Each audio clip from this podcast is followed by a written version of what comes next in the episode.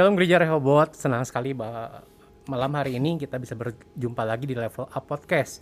Nah, Level Up Podcast kali ini akan merupakan suatu seri yang luar biasa penting bagi kita bersama. Karena apa? Karena Level Up Podcast kali ini kita akan mengawali dengan uh, kebaktian yang akan dibuka untuk jemaat. Jadi, bagaimana caranya, siapa saja yang boleh hadir, kita akan bahas semua di sini. Tetapi sebelum itu dimulai, di tempat ini sudah uh, kita semua udah kehadiran dua tamu yang luar biasa bukan tamu sih mereka adalah pemimpin pemimpin-pemimpin di tempat ini yang pertama adalah Bapak Gembala Sidang kita Bapak Pendeta Yohanes Runkat dan yang kedua adalah Ibu Rina Gunawan yang akan sharing tentang protokol kesehatan dan bagaimana kita akan memulai kembali kebaktian di waktu yang baru atau new normal ini. Sebelum kita mulai Om, saya minta kesediaan untuk berdoa bagi kita semua. Mari kita berdoa. Oke. Bapak kami dalam surga, terima kasih Tuhan untuk kesempatan pada malam hari ini kami boleh bertemu di dalam level up podcast untuk membicarakan sesuatu yang penting di dalam rencana kami untuk membuka kebaktian secara onsite seluruh jemaat yang ada di gereja Rehobot. Mari Tuhan, apa yang kami akan sampaikan itu boleh menjadi pegangan bagi jemaat yang akan berbakti sehingga tidak akan ragu-ragu untuk datang ke rumah Tuhan dan beribadah bersama-sama. Kami menyerahkan jam pembicaraan pada malam hari ini ke dalam tangan Tuhan.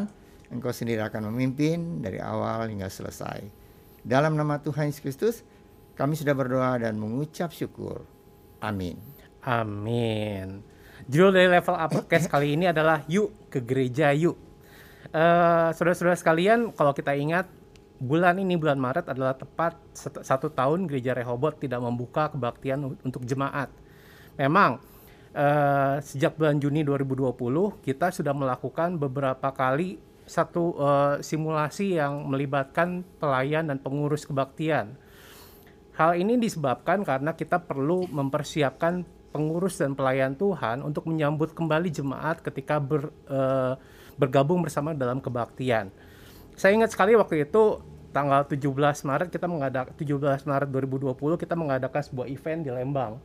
Yeah. Dan event itu berla berlangsung selama tiga hari dua malam. Dan tanggal 19 Maretnya kita mau selesai, kita mau pulang dari Lembang dan pada waktu itu Om Yohanes membuat suatu keputusan penting, yaitu mengalihkan kebaktian hari Minggunya menjadi kebaktian online karena outbreak COVID-19 yang luar biasa di Indonesia pada saat itu. Dan puji Tuhan di bulan April 2021 uh, eh, Bapak Gembala Sidang sudah memutuskan untuk membuka kembali pintu gereja pada jemaat semua agar kita bisa menikmati kebaktian bersama-sama. Tetapi saya mau bilang sama uh, jemaat gereja Rehobot sekalian bahwa kita akan memasuki era baru dalam beribadah dan uh, banyak hal yang akan kita perhatikan pada malam hari ini, banyak hal yang akan kita mendengar informasi yang uh, baru pada malam hari ini dan kita mau sama-sama meng menyongsong kebaktian perdana ini dengan hati yang bersuka cita. Tapi sebelum itu dimulai, saya mau nanya dulu sama Om Yohanes nih. Satu tahun Om, kita nggak yeah. ibadah bareng-bareng. Dulu kita pernah bikin level up podcast seri 0, saya bilang bahwa Om adalah satu-satunya salah satu orang yang paling anti meniadakan ibadah untuk jemaat. Dan Betul. kita sudah melakukannya setahun Om, meniadakan kebaktian untuk jemaat. Kira-kira perasaannya apa menyongsong 2 April ini Om? Ya. Ya tentu uh, menyongsong 2 April ini terus terang. Dalam hati kecil saya uh, ada rasa ucapan syukur pada Tuhan. Ya. Karena mulai bulan April atau 2 April pada saat kita merayakan Jumat Agung, pada saat itu kita beribadah bukan hanya dengan pengurus dan pelayan, yeah. tetapi sudah dengan seluruh jemaat dengan melaksanakan podcast secara ketat. Nah itu, jadi saya mengucap syukur pada Tuhan hmm. karena sudah sekian lama kita tidak bisa berkumpul seperti nanti ini. Iya. Demikian. Oke, tadi bilang Om Yohanes bilang ada prokes yang ketat yang harus kita lakukan bersama-sama.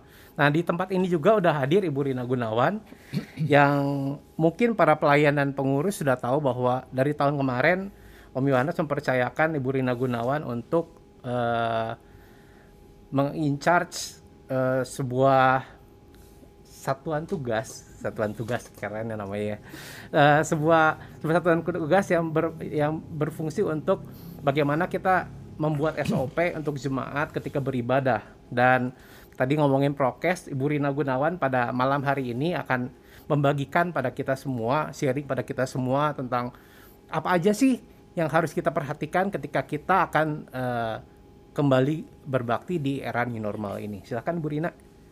Oke, uh, selamat bertemu. Mungkin di sini saya akan menginformasikan hmm. standar protokol kesehatan yang harus diikuti oleh seluruh jemaat, khususnya mereka yang mau ikut berbakti. Uh, seperti diketahui bahwa dalam keadaan new normal sekarang ini, memakai masker itu udah merupakan suatu hal yang wajib. Yeah. Ya, jadi pada saat nanti kebaktian akan dimulai, yang pasti jemaat datang harus sudah memakai masker karena pada saat mereka keluar rumah pun mereka sudah tidak bisa meninggalkan rumah tanpa mempergunakan masker. Yeah. Nah, jadi masker itu adalah alat yang paling utama yang mereka harus pakai dan nanti prosedurnya adalah begitu mereka tiba di tempat kebaktian ini di depan nanti akan ada protokol kesehatan juga yang akan dilakukan uh, oleh uh, tim kita. Mereka akan cek suhu. Jadi hanya mereka yang mempunyai suhu tubuh di bawah 37,3 itu yang diizinkan untuk ikut hadir dalam kebaktian dan tidak memiliki gejala seperti gejala flu apa pun. Batuk atau pilek itu juga tidak diizinkan untuk mengikuti uh, kebaktian di depan juga nanti kami sudah menyediakan fasilitas untuk mencuci tangan karena salah satu protokol kesehatan adalah sering mencuci tangan jadi kami sudah menyediakan beberapa sink untuk cuci tangan jadi jemaat yang masuk juga setelah dicek suhu dia harus cuci tangan. Dan kalau misalnya sampai ada antrian di tempat cuci tangan, kami yeah. pun sudah menyediakan hand sanitizer. Jadi bisa memakai hand sanitizer atau cuci tangan. Nah, setelah itu pada saat jemaat memasuki gedung kebaktian, itu pun akan ada prosedur. Jadi tempat kebaktian sekarang kami sudah beli beri jarak. Jadi duduk tidak seperti biasa karena nanti pas tanggal 2 itu kapasitas tempat duduk menjadi 50% ya yeah. dari dari kapasitas gedung. Nah, nanti di sana akan diberi tanda kursi mana yang boleh diduduki dan kursi mana yang tidak boleh diduduki. Nah, jadi nanti tiap orang mengambil tempatnya masing-masing di kursi yang sudah diberi tanda bisa diduduki dan uh, mereka bisa berbakti dengan tetap mempergunakan masker. Jadi masker itu tidak boleh lepas dari mereka datang, dari mereka e, mengadakan puji-pujian sampai pulang. Jadi masker itu harus tetap dipakai. Nah, mungkin mengenai masker, saya juga akan sedikit menginformasikan. Karena tidak semua masker bisa dipakai. Untuk masker yang hanya satu lapis atau masker yang hanya masker kain satu satu lapis seperti ini itu tidak boleh tidak diizinkan untuk dipakai. Jadi masker yang bisa dipakai itu sorry adalah masker tiga lapis seperti ini. Masker tiga lapis seperti ini. Ya ini yang bisa dipakai atau masker kain tapi dia ada ada ada lapisan seperti ini yang bisa dimasuki oleh diberi lapisan tisu.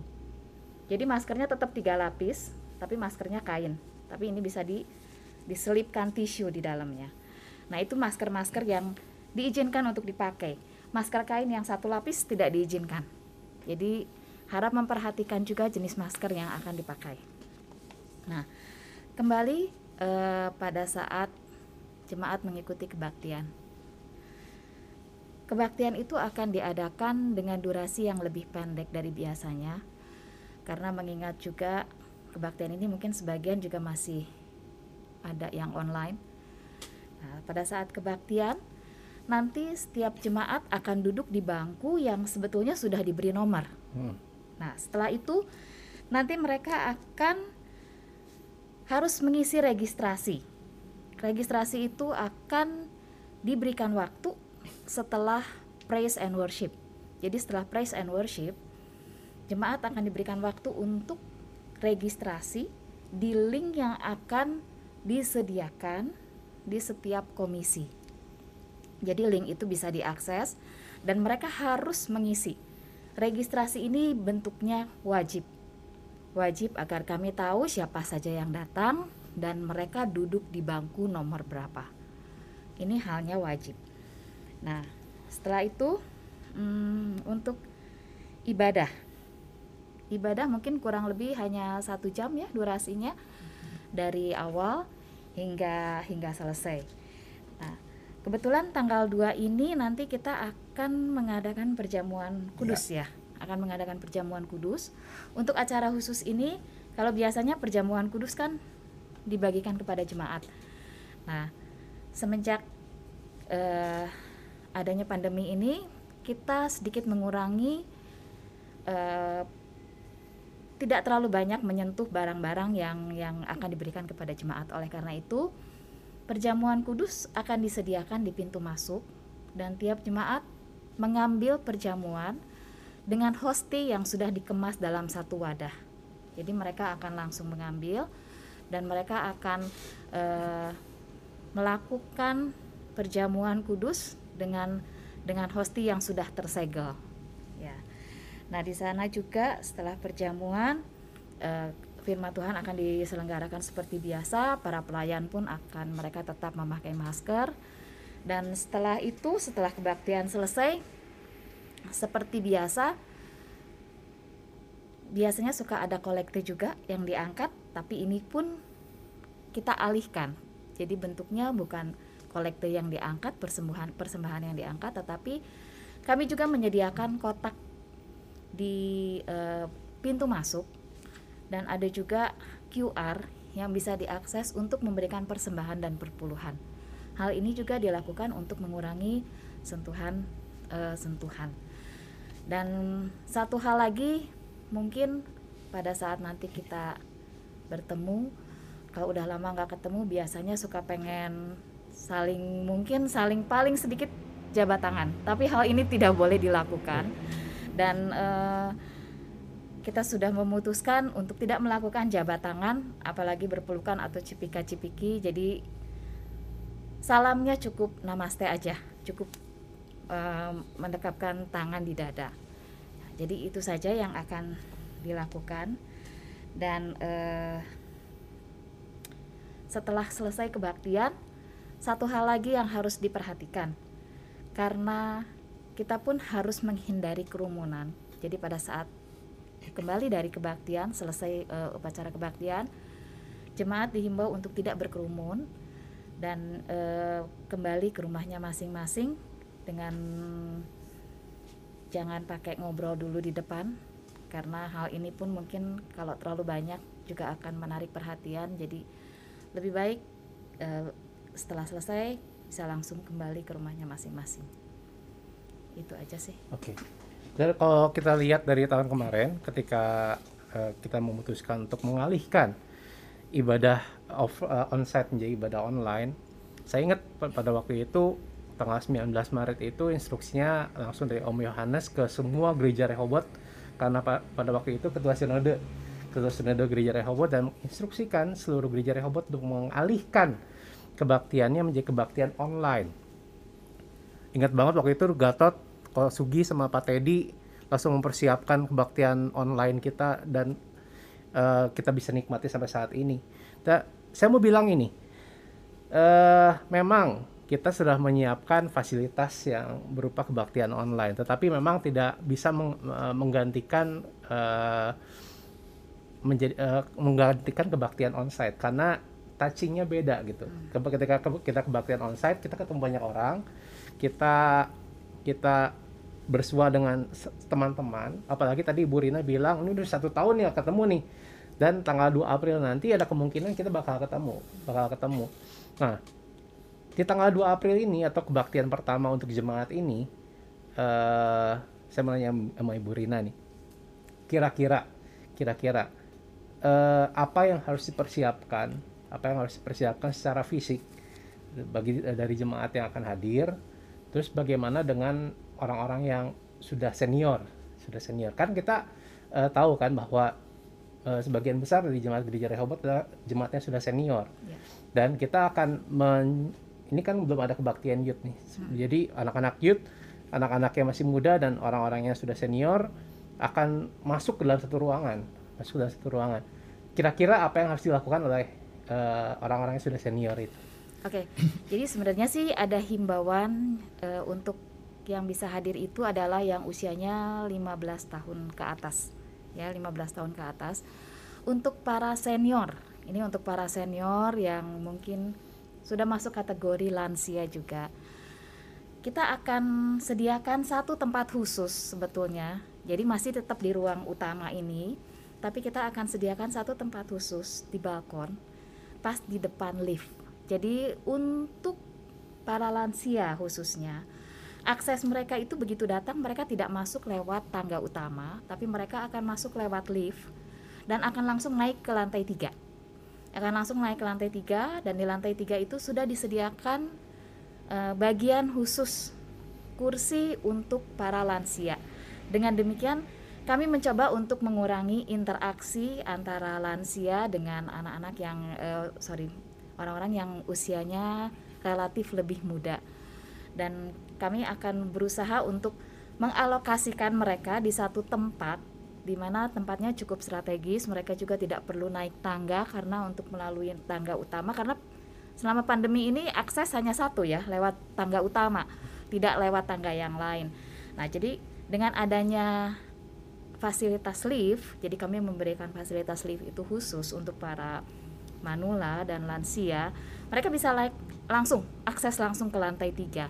Dan posisinya pun cukup strategis dekat dengan kamar mandi nah jadi eh, saya sih menghimbau saya tahu biasanya manula nggak ada dan lansia itu nggak ada yang duduk di balkon mereka semua duduknya di bawah dan punya tempat duduk sendiri. Tapi untuk kali ini saya kami minta kerjasama semua jemaat untuk mengerti dan untuk mengikuti eh, kegiatan ini untuk mengikuti setiap prosedur. Karena kami juga memikirkan kami juga memikirkan kesehatan lansia. Dan karena lansia itu juga kan mereka hidup dengan anak.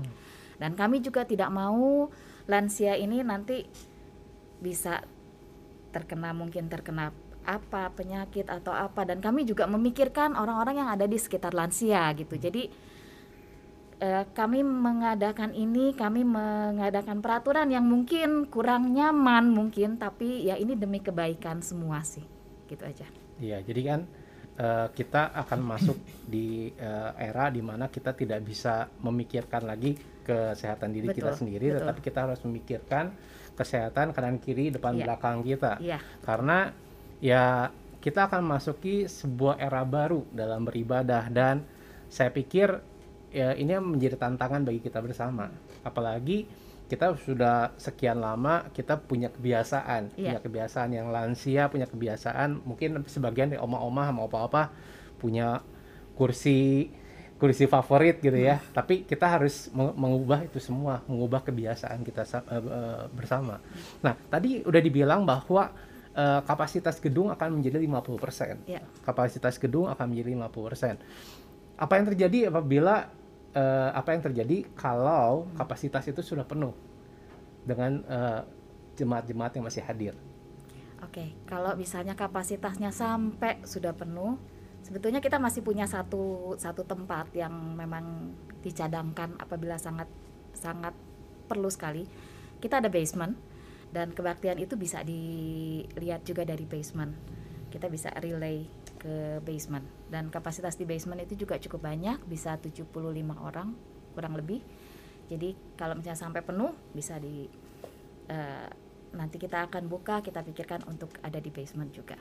Nah ini berarti nggak boleh marah-marah juga nih apabila betul. eh, kemudian sama akhirnya diarahkan ke basement bukannya dianaktirikan tetapi kita mau menjaga bersama-sama menjaga eh, jemaatnya sudah hadir terlebih dahulu kita mau menjaga kesehatan bapak ibu sekalian juga yang mungkin agak sedikit telat datangnya jadi bukannya kita pilih kasih tetapi ini tuh untuk kebaikan bersama jadi tema kali ini adalah kita harus eh, menanamkan pada diri kita bahwa ini untuk kebaikan kita bersama nih om betul Betul. betul dan dan saya saya yakin eh, saya, saya yakin banget keputusan Om ketika waktu tanggal 19 Maret itu adalah untuk kebaikan bersama Om. Ya.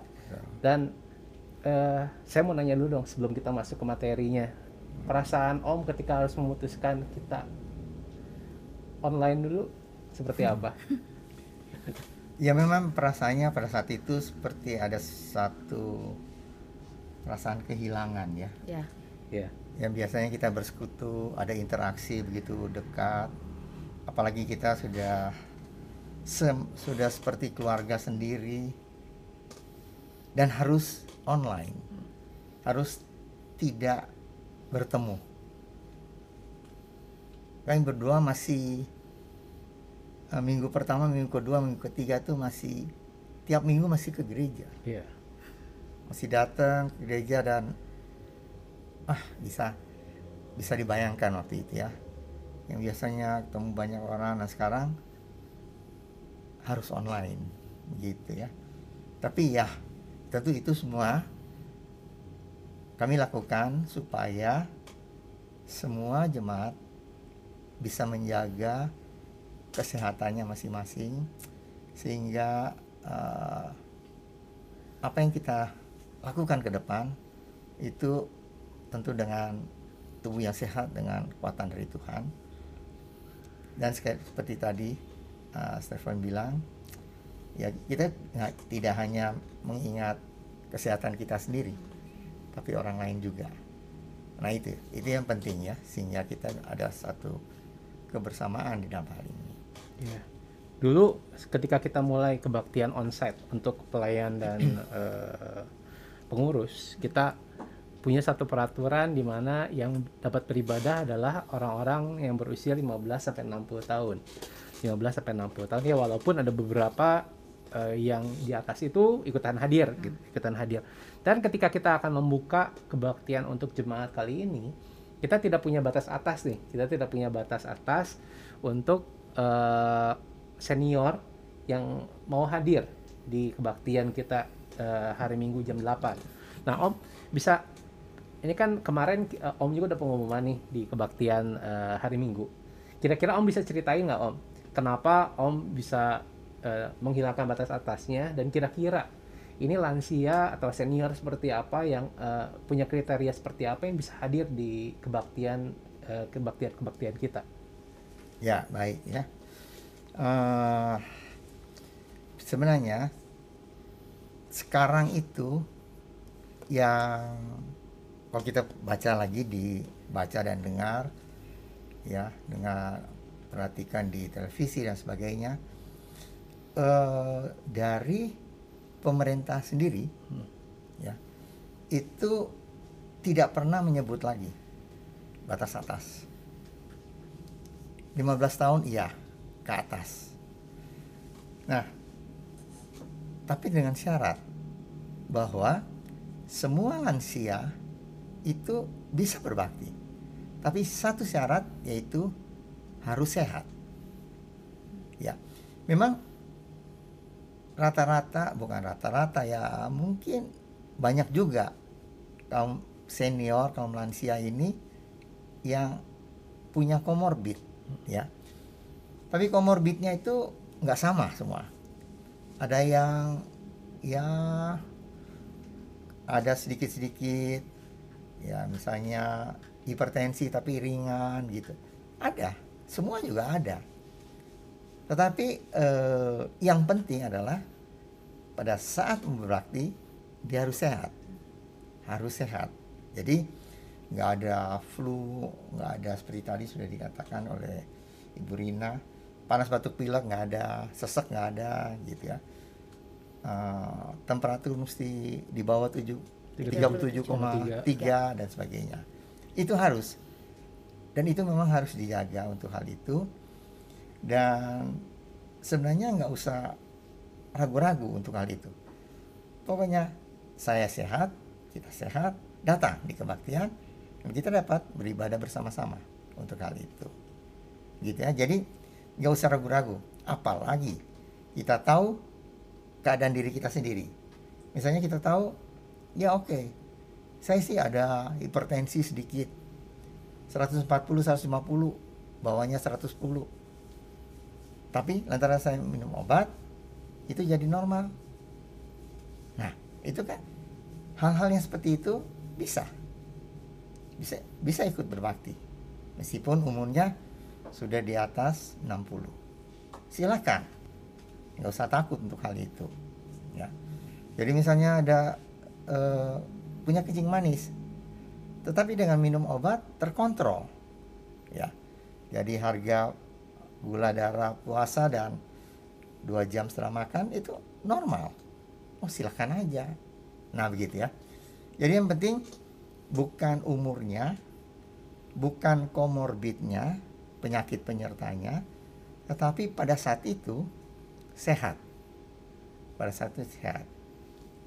Oleh sebab itu, uh, sangat dianjurkan untuk kita uh, menerima vaksin. Hmm. Nah itu, jadi uh, penting sekali untuk vaksin, karena vaksin itu terus terang, kalau sudah di launching ke masyarakat sudah sampai di masyarakat pasti itu sudah melalui uji klinik. Sudah melalui uji klinik dan sudah bisa dipakai. Jadi nggak usah ragu-ragu. Di dalam vaksin ada apa akan terjadi apa ada konspirasi apa di, di situ? Nggak usah pikir itu.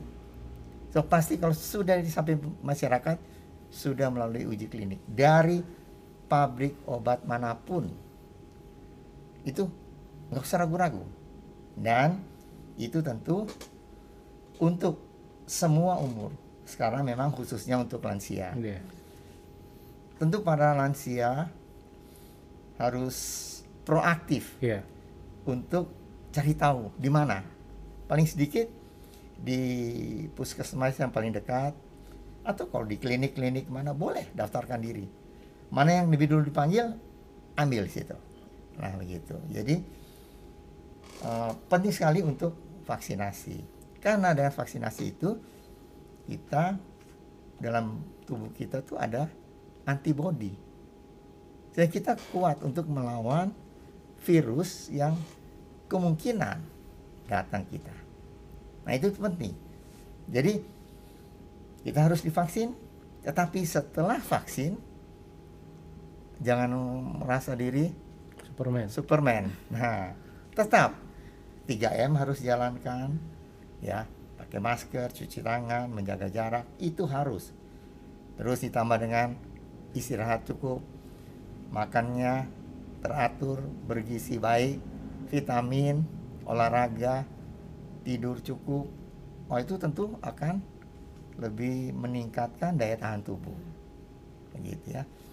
Jadi untuk hal itu uh, penting sekali. Penting sekali supaya saudara-saudara yang sudah berumur 60 tahun ke atas karena waktu yang memang dikhususkan untuk 60 tahun ke atas itu memang sampai akhir Maret ini. Bu, bisa setelah akhir Maret masih bisa.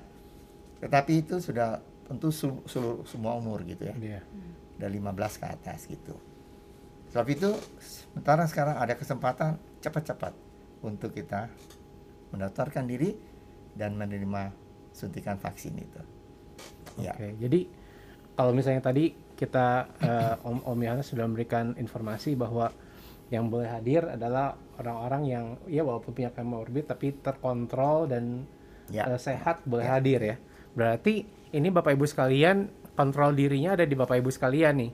Jadi yang yang ya mungkin kita bisa mendetek suhu tubuhnya gitu. Kita bisa mendetek suhu tubuhnya tetapi bagaimana Bapak Ibu sekalian mengontrol komorbidnya itu kan berarti bapak eh, jemaat semua yang bisa mengontrol dirinya sendiri ya. Ya, Jadi ka- kalau misalnya eh saya merasa pede karena saya sudah mengontrol eh, kesehatan saya dengan baik ya datang aja. Tetapi kalau misalnya eh ya misalnya punya hipertensi tapi nggak pernah makan obat, ya boleh dipikirkan kembali untuk lebih mengontrol kesehatan dulu sebelum hadir ke kebaktian betul ya, Om ya. Dan tadi ada ada ada hal menarik juga yang Om eh, sampaikan untuk para senior di Gereja Rehoboth untuk proaktif Ya, untuk proaktif untuk eh, datang ke puskesmas atau fasilitas kesehatan untuk eh, mendaftarkan dirinya. Soalnya banyak juga pertanyaan nih. Eh, eh, terlebih lagi kalau saya kan banyak terlibat di kebaktian umum eh, kebaktian komunita ini. Di KKW itu banyak pertanyaan, banyak pertanyaan. Kok saya udah daftar eh, via online tapi saya nggak dipanggil-panggil gitu. Kok saya udah daftar via ketua RT-nya tapi nggak dipanggil-panggil dan dan banyak orang juga berpikir ketika saya sudah sekali mendaftar saya otomatis akan segera dipanggil berarti nggak kayak gitu ya om ya Nggak kalau misal gitu, kalau ya. misalnya kita punya uh, chance lebih cepat dengan kita menda- mendatangi puskesmasnya lakukan aja betul ya, betul. Betul, oke Jadi bisa, bisa di puskesmas terdekat, ya bisa di klinik-klinik pertama, pratama Iya. bisa. Jadi mau rumah sakit bersalin, mau rumah sakit umum besar, Iya. rumah sakit umum, ya rumah sakit tingkat 2, tingkat 3 itu silakan. Pokoknya secepat mungkin dipanggil dari mana pun ambil di situ. Nah, itu penting. ya Sehingga kita tidak pasti kepikirannya "Oh, saya kok belum. Itu teman saya sudah. Itu yang di rumah, yang di sebelah tetangga sudah, kok saya belum. Nah, supaya jangan gitulah. Tapi memang sekarang memang eh, pemerintah mengusahakan atau memprioritaskan untuk usia lansia di Iya. atas 60. Memang sih sekarang. Jadi sebab itu ambil kesempatan itu ambil. Ya. Oke, nanti kita akan membuka pintu gereja kembali untuk jemaat, untuk jemaat. Nah, ini untuk Ibu Rina lagi nih. Ketika jemaat masuk, apalagi yang masih muda kan, masih umur-umur 20, 30, kita kan kenal istilahnya namanya OTG, orang tanpa gejala.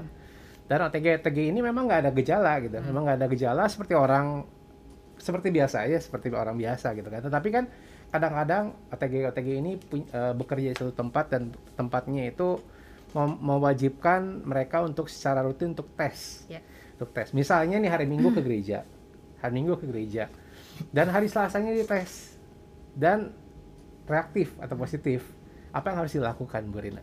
Oke, kalau misalnya sampai ketahuan nih, pas misalnya dirinya ternyata setelah di swab antigen reaktif, yang pertama harus dilakukan pada saat eh, mereka tahu hasilnya dan misalnya minggunya mereka ke gereja, mereka tuh harus langsung lapor, Lam- lapor ke ketua komisi. Kalau misalnya dia ada di bawah KU1 ya KU1, KU2 atau KU3 atau kalau misalnya ada anak flame juga yang ikut kebaktian jadi lapor ke ketua flame-nya lapor secara japri ya lapor secara japri. Dan nanti karena kita juga sudah punya satu gugus gugus tugas khusus untuk covid begitu juga kita juga ada tim dokter di rumah sakit eh, di gereja ini. Nah jadi nanti dari sana dari ketua komisi masing-masing mereka akan melaporkan kepada PIC-nya untuk sementara ini adalah saya ke ketua Askol. Itu pun secara japri tidak di grup. Jadi mereka harus melaporkan. Nah nanti kami akan bekerja dengan tim dokter. Nanti kami kami akan bekerja dengan tim dokter dan akan menyerahkan eh, informasi ini kepada tim dokter untuk ditindaklanjuti nah dari situ nanti setelah setelah proses itu berlangsung kami pun akan istilahnya screening. Nah, kenapa tadi saya tekankan bahwa setiap minggu harus registrasi. Ini adalah kepentingannya pun selain untuk data kehadiran, ini juga untuk screening. Jadi pada saat itu kita tahu di mana di nomor berapa kita duduk dan orang-orang di sekitarnya itu yang akan di screening itu yang akan nanti dipantau oleh dokter tim dokter dari gereja Rehoboth ini akan dilihat. Karena yaitu yang OTG tadi kan mungkin kelihatannya sehat-sehat tapi kita kan juga nggak tahu kondisi orang-orang di sekitarnya. Kalau misalnya mereka sampai istilahnya terkontaminasi mungkin kena atau gimana dan efeknya mungkin akan berbeda untuk tiap orang. Nah nanti itu yang akan eh, dilakukan oleh tim dokter untuk screening orang-orang di sekitar mereka. Nah jadi itulah kegunaannya registrasi. Jadi sangat ditekankan sekali harus registrasi siapa pun itu. Mungkin kalau untuk manula nanti registrasinya kita akan siapkan para asyir untuk membantu registrasi. Kalau nggak bisa karena itu dia pakai link dan itu di di handphone Smartphone, ya, di smartphone, mobile ya. phone. Ya. begitu. Oke. Jadi itu kepentingan dari registrasi. Eh, pentingnya registrasi. Selama ini mungkin sudah sudah dari bulan Juni kita melakukan registrasi. Cuman kadang-kadang kan pengurus dan pelayan juga masih bertanya-tanya nggak ngapain sih setiap setiap minggu harus registrasi. Ternyata eh, ngefeknya sangat besar ya, Ci Iya, ya. iya. Sangat sangat eh, efeknya sangat besar Betul. sekali. Bagaimana kita bisa tracing dan tracking Iya. apabila terjadi eh, kasus positif Iya. aktif di eh, jemaat gereja Rehoboth dan ini me- menjadi eh, sebuah statement juga yang penting untuk eh, jemaat-jemaat yang sudah senior. Mungkin kalau misalnya melihat kami sehat-sehat saja yang udah masih seumuran kami sehat-sehat saja belum tentu kami ini orang-orang yang tidak terpapar Covid gitu kan.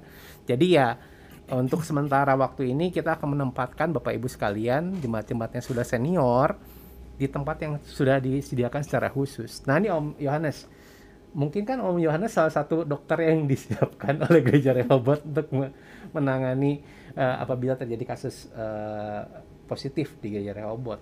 Nah kira-kira prosedurnya seperti apa Om dari dokter-dokter ini? Ya, baik. eh, saya mau sampaikan eh, melanjutkan apa yang sudah disampaikan oleh Bu Rina ya. Jadi kita melanjutkan dengan 3T. Mungkin sudah sudah pernah dengar 3T. T yang pertama adalah T yang pertama itu adalah testing. Testing itu untuk periksa. T yang kedua itu untuk tracing. Tracing itu melacak. Dan T yang ketiga itu treatment. Nah, jadi kita akan ngikutin prosedur itu. Kita akan testing. Testingnya tentu dengan eh, eh, cara dokter memeriksa pasien, ya apa itu dengan pertanyaan, dengan anamnesa dan sebagainya, itu kita akan lakukan. Ya, tentu semua itu kita akan lakukan secara private, pribadi, tidak akan di masuk di grup. Nah, setelah dites ternyata positif atau suspek positif, kita mulai T yang kedua, tracing. Nah, seperti tadi ta- dikatakan oleh Bu Rina, kita lihat dia duduk di mana, siapa orang-orang sekitarnya, lingkaran paling dalam, dan lingkaran yang lebih luar. Kita trace di situ, di tracing situ, dan kalau kita sudah dapat, maka kita akan treatment untuk orang-orang di sekitar itu. Yang bersangkutan juga, tetapi lingkaran yang paling da- dalam dan setelah itu lingkaran satu lingkaran luar dari dia, itu semuanya kita akan treatment. Nah begitu, nah gitu ya.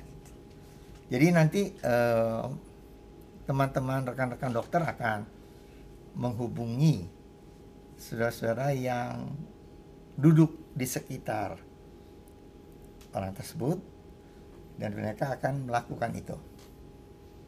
Testing, periksa, tracing. Mungkin di rumah dia kalau misalnya dia positif, kita mulai tanya di rumah ada siapa aja. Nah, itu kan mesti di trace sampai di situ. Setelah kita tahu baru kita treatment. Nah, treatmentnya dengan cara ya seperti apa yang uh, dilakukan oleh para para medis ya Oke. Oh, medis, begitu saya kira begitu ya Jadi yang menghubungi untuk eh, suspeknya sendiri dan orang-orang yang kita suspek ada dokter-dokter sendiri. Dokternya ya. Jadi bukan saya, bukan Ibu Rina gitu. Jadi Ya. kalau misalnya ada yang telepon, percayalah itu dokter gitu, bukan kami berdua gitu kan.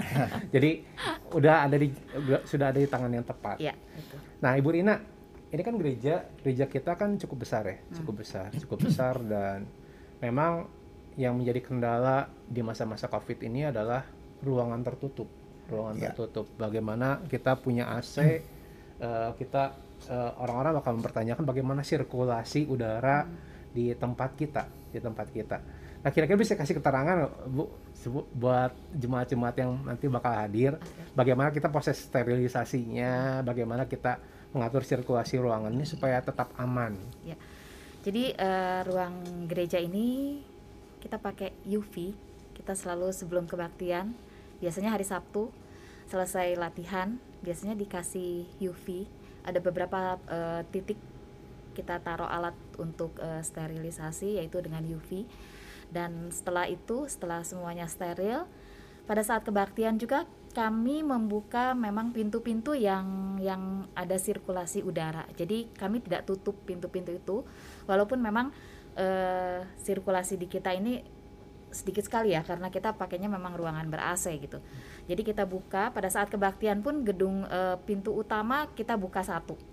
Jadi sirkulasi eh, udara kita usahakan semaksimal mungkin dan di setiap pintu juga kita ada satu eh, kipas angin untuk menyedot menyedot udara keluar. Nah, jadi kita usahakan semaks sampai semaksimal itu. Jadi apa pun yang memang kita bisa usahakan kita buka, kita akan buka untuk sirkulasi udara. Dan setelah kebaktian, kami juga akan membersihkan gedung gereja dan ada proses UV lagi untuk eh, kalau ada kebaktian untuk sekarang sih kebaktian hanya sekali ya. Jadi UV itu hanya dilakukan di hari Sabtu. Begitu. Oke, berarti apa yang sudah disiapkan oleh eh, gugus tugas COVID itu udah sampai sejauh itu. Ya, Karena sejauh- kita kita harus mengetahui juga bahwa apa yang kita lakukan dimonitor ya Bu ya. ya. Apa yang kita lakukan ini selalu ada checkingnya, selalu ada checking. Mungkin Om Yohanes bisa ceritain bagaimana eh, kelurahan dan kecamatan sangat aware tentang protokol Ya. kesehatan di gereja ini. Baik, eh, untuk semua yang diciptakan oleh sampaikan oleh Bu Rina, mereka juga tahu ya. Jadi sterilisasi ruangan itu kita pakai UV, UV lah, UV lamp ya. Ada beberapa eh, berapa unit yang kita punya itu ditempatkan di seluruh ruangan dan itu dipasang untuk sterilisasi ruangan. Ya, memang kita tidak mengambil eh, cara disemprot ya, sebab ternyata pakai UV light itu jauh lebih eh, bagus hasilnya. Ya, sampai ke ruang operasi juga pakainya UV light dan bukan disemprot. Nah, kita melak- maka- melakukan itu dan selama ini karena memang berkat Tuhan kita gereja di jalan besar ya. Jadi eh, dari gugus tugas, gugus COVID, gugus tugas dari eh, kelurahan, kecamatan, dari polisi, ternyata tiap minggu tuh mereka kontrol, mereka datang untuk melihat. Dan kami bilang ya silakan lihat. Dan waktu mereka lihat ternyata oke jadi silahkan diteruskan nah gitu ya ya kami merasa ya kita semua kita merasa itu berkat Tuhan ya. Apa yang kita kerjakan itu uh, cukup baik cukup positif sehingga uh, dari pemerintah sendiri dari gugus COVID sendiri memperhatikan dan mereka berkata silahkan karena yang kita jalankan itu sudah sesuai. Begitu Jadi kalau misalnya dulu sebelum zaman COVID, kita cuma mikirin apa yang akan kita layani besok. Kalau saya mikirin lagu yang akan dinyanyikan besok. Om Yohanes mungkin mikirin eh, apa yang akan dikotbahkan besok. Kalau sekarang pikirannya jadi double. Ya. Besok yang datang berapa orang ya gitu ya. Apa jangan sampai eh, tempatnya over over over Ya. over capacity. Terus itu udah dibersihin belum ya? Itu udah dipasang belum ya? Jadi pikirannya jadi double dari, sebelum covid gitu kan Betul. dan dan itu sudah kita usahakan itu ya sudah kita kerjakan dan itu sudah diusahakan berarti kita harus mengerti bahwa eh, adanya ibadah nanti untuk jemaat ada Ya. sesuatu yang dipersiapkan dengan baik Ya. jadi untuk bapak ibu saudara-saudara sekalian yang mau hadir di kebaktian onsite kita je- eh, untuk untuk jemaat pastikan bapak ibu sekalian juga mempersiapkan dirinya masing-masing dengan baik gitu karena eh, pihak gereja sudah mempersiapkan dengan baik untuk fasilitas yang ada di gerejanya bapak ibu sekarang giliran bapak ibu sekalian yang untuk hadir eh, kita sama-sama mempersiapkan diri kita dengan baik karena ya sekali lagi yang akan kita eh, jaga kesehatannya bukan ke- kesehatan kita doang cuma tapi kesehatan depan kiri kanan depan belakang kita juga Ya, betul. Ya, Ya. betul. Nah, Om, terakhir pertanyaan terakhir untuk Om. Nah, ini kan udah satu tahun nih, udah satu, satu tahun eh, tidak tidak beribadah nih, apalagi di jemaat kita kita tahu banyak lansia, banyak Ya. lansia yang mungkin lansia eh, para lansia ini tinggal sama anaknya, tinggal sama eh, menantunya, mertuanya. Nah, kira-kira nih kira-kira kan kadang-kadang kadang-kadang pola pikir kita se- se- eh, sampai se- se- semasa selama masa pandemi ini adalah eh, lansia rentan gitu, rentan. Kadang- dan kadang-kadang kita ngerem mami-papi kita dalam rumah selama satu tahun ini. Dan sekarang kita membuka pintu gereja untuk mereka ber- eh, beribadah. Kira-kira ada pesan-pesan nggak om buat para lansia ini? Iya, untuk para saudara-saudara para lansia, saudara yang senior citizen, para lansia, memang ya kita ada di dalam satu lingkungan yang mengasihi kita, yaitu apa itu anak, mantu, cucu, semua itu mengasihi. Dan mungkin mereka berkata, ya lebih baik di rumah aja lah, pakai online. Tapi terus terang aja, kalau kita bersekutu bareng-bareng sama-sama di ruangan gereja, itu ada sesuatu yang berbeda, Ya. berbeda sekali. Jadi saya minta untuk para lansia yang akan berbakti nanti tanggal 2 ya sebelum-sebelumnya sudah ngomong dulu. Udah dibicarakan dulu ke anak, mantu, cucu. Oh nanti tanggal 2, mulai tanggal 2 saya mau ke gereja untuk beribadah bersama-sama. Ya. Jadi tolong dikemukakan sehingga mungkin mereka juga akan eh, akan mungkin mereka bertanya, loh, namanya gereja sudah persiapkan nih. Oh, gereja udah persiapkan sebaik-baiknya. Nah, gitu. Jadi anak-anak, anak wantu dan semua keluarga sekitar kita, sekitar eh, saudara-saudara yang lansia, mereka itu dengan rela ya. Dan tanpa ragu-ragu lagi. Ya. Cuma saya tekankan saya ingatkan pada para lansia untuk tanggal 2 datang di kebaktian dan mungkin lantas sudah lama nggak datang di gereja ya. Saya cuma mau ingatkan bahwa gereja Rehoboth masih di Dewi Sartika gitu. ya kan? Ya. Jangan jangan bingung, jangan ya gerejanya udah di mana gitu. Oh enggak, kita tetap di Dewi Sartika gitu. Jadi nomor 3638 di Kota Bandung. Jadi silakan. Kita semua akan terima dengan senang hati, kita semua akan bersuka cita bersama-sama Iya. dan makan perjamuan bersama-sama. Ya. Oke. Oh, untuk perjamuan sendiri nanti kan eh, tadi Ibu Rina bilang akan disiapkan di pintu-pintu eh, Iya. pintu pintu itu. Kalau buat lansia disiapkan di mana? Eh, kalau buat lansia kita akan siapkan di eh, lantai tiga karena mereka kan tidak melalui gedung utama. Pintu dan mungkin di sana nanti karena lansia itu juga mungkin mereka akan sedikit kesulitan. Jadi mungkin kami akan bawa saat kami akan siapkan asyir untuk bawa di baki tapi mereka bisa ambil sendiri. Nanti kita siapkan juga misalnya alat untuk bukanya karena mungkin agak ag- untuk yang pertama kali baru baru baru eh, mencoba untuk eh, membuka apa anggur perjamuan dan hosti itu memang agak sedikit ribet Sulit, karena kita nggak biasa ya jadi emang harus ada bagian yang dibuka dulu yang bagian hostinya baru nanti dibalik dibuka bagian eh, anggurnya. Dan nanti kami akan sediakan asyar khusus untuk memperagakan gimana caranya. Dan mungkin juga kami akan membantu tapi dengan prosedur kesehatan juga dengan protokol kesehatan juga kami akan mungkin pakai sarung tangan untuk bantu untuk membuka para khusus untuk para lansia. Dan nanti juga dari pihak Sermin akan menyiapkan video bagaimana kita menghadapi kebaktian di era new normal. Jadi untuk Bapak Ibu sekalian, para senior juga, para jemaat yang mungkin masih usia masih muda juga, pastikan eh, Bapak Ibu sekalian dan saudara-saudara sekalian terdaftar di grup WhatsApp masing-masing komisi kebaktian. Jadi di situ nanti kita akan share bagaimana prosedur datang ke tempat ibadah di era new normal dan bagaimana kita bisa menikmati perjamuan kudus di era new normal ini. Jadi pastikan Bapak Ibu sekalian terdaftar di grup WhatsApp jemaat komisi masing-masing tempat eh, Bapak Ibu sekalian beribadah. Nah, untuk terakhir kalinya Om, saya minta Om sama eh, Cirina berikan sepatah dua patah kata untuk jemaat-jemaat kita menyambut eh, kebaktian eh, bersama dengan jemaat tanggal 2 April nanti dari Om dulu. Ya, tentu saya ngajak kita semua untuk kita berdoa bersama-sama. Karena pertemuan pada tanggal 2 itu sesuatu yang indah. Ya.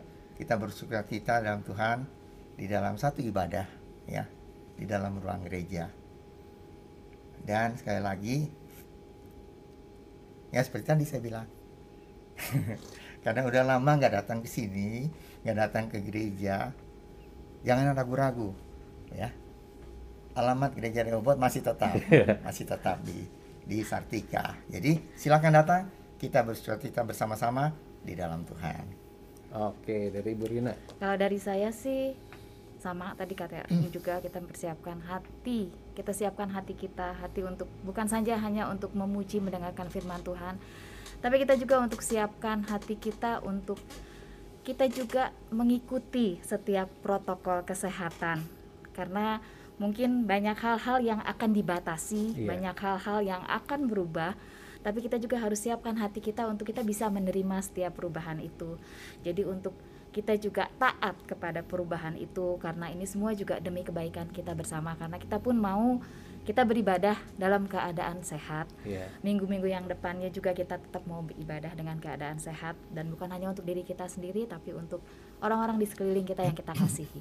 Aja. Jadi kalau misalnya nanti eh, di kebaktian-kebaktian mendatang apabila ada ada ada jemaat yang mungkin eh jangan gini, jangan di sini gitu ya.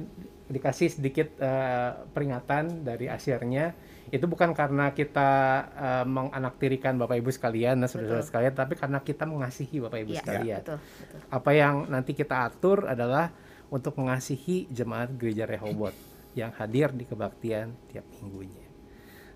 Ya. Terima kasih Om Yohanes, terima kasih untuk Ibu Sama. Rina atas waktunya. Sama-sama. Eh, jelas banget apa yang harus kita lakukan, apa yang harus kita siapkan untuk eh, menyambut kebaktian onsite pertama untuk jemaat ya. Iya. Ditekankan untuk jemaat karena sebenarnya kebaktian onsite kita udah pernah eh, kita udah melakukannya bulan Juni 2020. Tapi untuk jemaat ini adalah perdana. Jadi terima kasih banyak untuk eh, informasi yang di-sharingkan, informasi yang diberikan untuk jemaat gereja Rehoboth dan Bapak Ibu sekalian buat Bapak Ibu sekalian yang belum follow eh, akun sosial media kita di Instagram di Instagram Gereja Rehoboth atau belum eh, lihat YouTube channel Gereja Rehoboth, pastikan Bapak Ibu sekalian untuk eh, mencek informasi-informasi yang akan diberikan seputar ibadah dan seputar event-event yang akan diadakan oleh Gereja Rehoboth di akun sosial media Gereja Rehoboth dan YouTube channel Gereja Rehoboth. Dan sekali lagi buat Bapak Ibu sekalian yang eh, merupakan jemaat Gereja Rehoboth tetapi belum terdaftar di grup WhatsApp jemaat Gereja Rehoboth sesuai dengan komisi masing-masing, pastikan Bapak Ibu sekalian terdaftar di grup WhatsApp masing-masing komisi itu karena di grup-grup itulah akan diberikan link untuk meregistrasikan kehadiran Bapak Ibu sekalian ketika Bapak Ibu sekalian menghadiri ibadah di Gereja Rehoboth. Oke, selamat malam. Saya saya pastikan apa yang kita sharingkan pagi pada malam hari ini bisa membawa berkat bagi kita bersama dan sebelum kita berpisah satu sama lainnya, saya minta sekali lagi Om Yohanes untuk menutup podcast kita ini dalam doa dan eh, sekalian berdoa buat ibadah pertama onsite untuk jemaat nantinya. Sorry satu lagi, Oh, iya. mungkin diingatkan juga jam ibadahnya hanya satu kali Ya, dari jam 8 pagi. Jadi Iya. jangan salah, betul jangan betul salah betul, datang betul, jamnya. betul. Nah, Karena mungkin kalau jemaat kan baru ya, Iya. baru. Apalagi kan jemaat-jemaat kita kadang-kadang ada yang datang Ya, dua jam sebelum ibadah. Jadi jam 8 sampai jam 9. 9. Ya, Silakan Om Yohanes. Baiknya kita akan tutup dan berdoa. ya. Iya. Bapak kami dalam surga, terima kasih Tuhan untuk uh, percakapan kami pada malam hari ini. Kami sudah memberikan uh, satu keterangan di mana kami boleh mempersiapkan diri untuk bersukacita bersama-sama di dalam kebaktian onsite perdana dengan jemaat dimulai pada tanggal 2 April yang akan datang jam 8 pagi dengan perjamuan kudus. Pada saat itu dan perayaan Hari Raya Orang Kristen yaitu Jumat Agung. Terima kasih Tuhan. Kami berdoa, kami serahkan kebaktian itu ke dalam tangan Tuhan. Kiranya Tuhan sendiri akan memimpin, Tuhan sendiri akan mempersiapkan semua pelayan-pelayan Tuhan yang akan melayani pada saat itu, baik pemain musik, WL singer, uh, hamba Tuhan yang tergabung di dalam AVD, dan juga hamba Tuhan yang akan bawakan firman Tuhan, dan seluruh jemaat yang akan hadir di dalam rumah Tuhan. Kami semua boleh bersuka cita di dalam Tuhan. Mari Tuhan, kami serahkan ibadah itu ke dalam tangan Tuhan. Engkau sendiri akan memimpin dari awal hingga selesai. Terima kasih Bapa untuk berkat Tuhan. Kami sudah tahu apa yang kami harus lakukan dalam menyongsong ibadah secara on-site di rumah Tuhan dimulai pada tanggal 2 April yang akan datang itu. Terima kasih Tuhan untuk berkat Tuhan. Kiranya Engkau sendiri Tuhan akan menyertai kami semua melewati malam hari ini. Besok kami boleh bangun dengan tubuh yang sehat dengan rahmat yang baru dari Tuhan. Kami percaya Tuhan, Engkau sudah mendengar doa kami yang kami naikkan dalam nama Tuhan Yesus Kristus yang menjadi juru selamat kami yang hidup. Haleluya. Amin. Amin. Sekali lagi terima kasih Om Yohanes, Sama-sama. ya, Cirina. Selamat malam juga buat jemaat gereja Rehoboth yang sudah eh, menyaksikan podcast Level Up dari awal sampai akhirnya. Eh, nantikan podcast-podcast selanjutnya di bulan-bulan selanjutnya yang akan meng- mengangkat materi-materi yang tentunya akan menarik dan bisa menambah wawasan kita secara eh, iman sebagai orang Kristen. Selamat malam, Tuhan Yesus memberkati.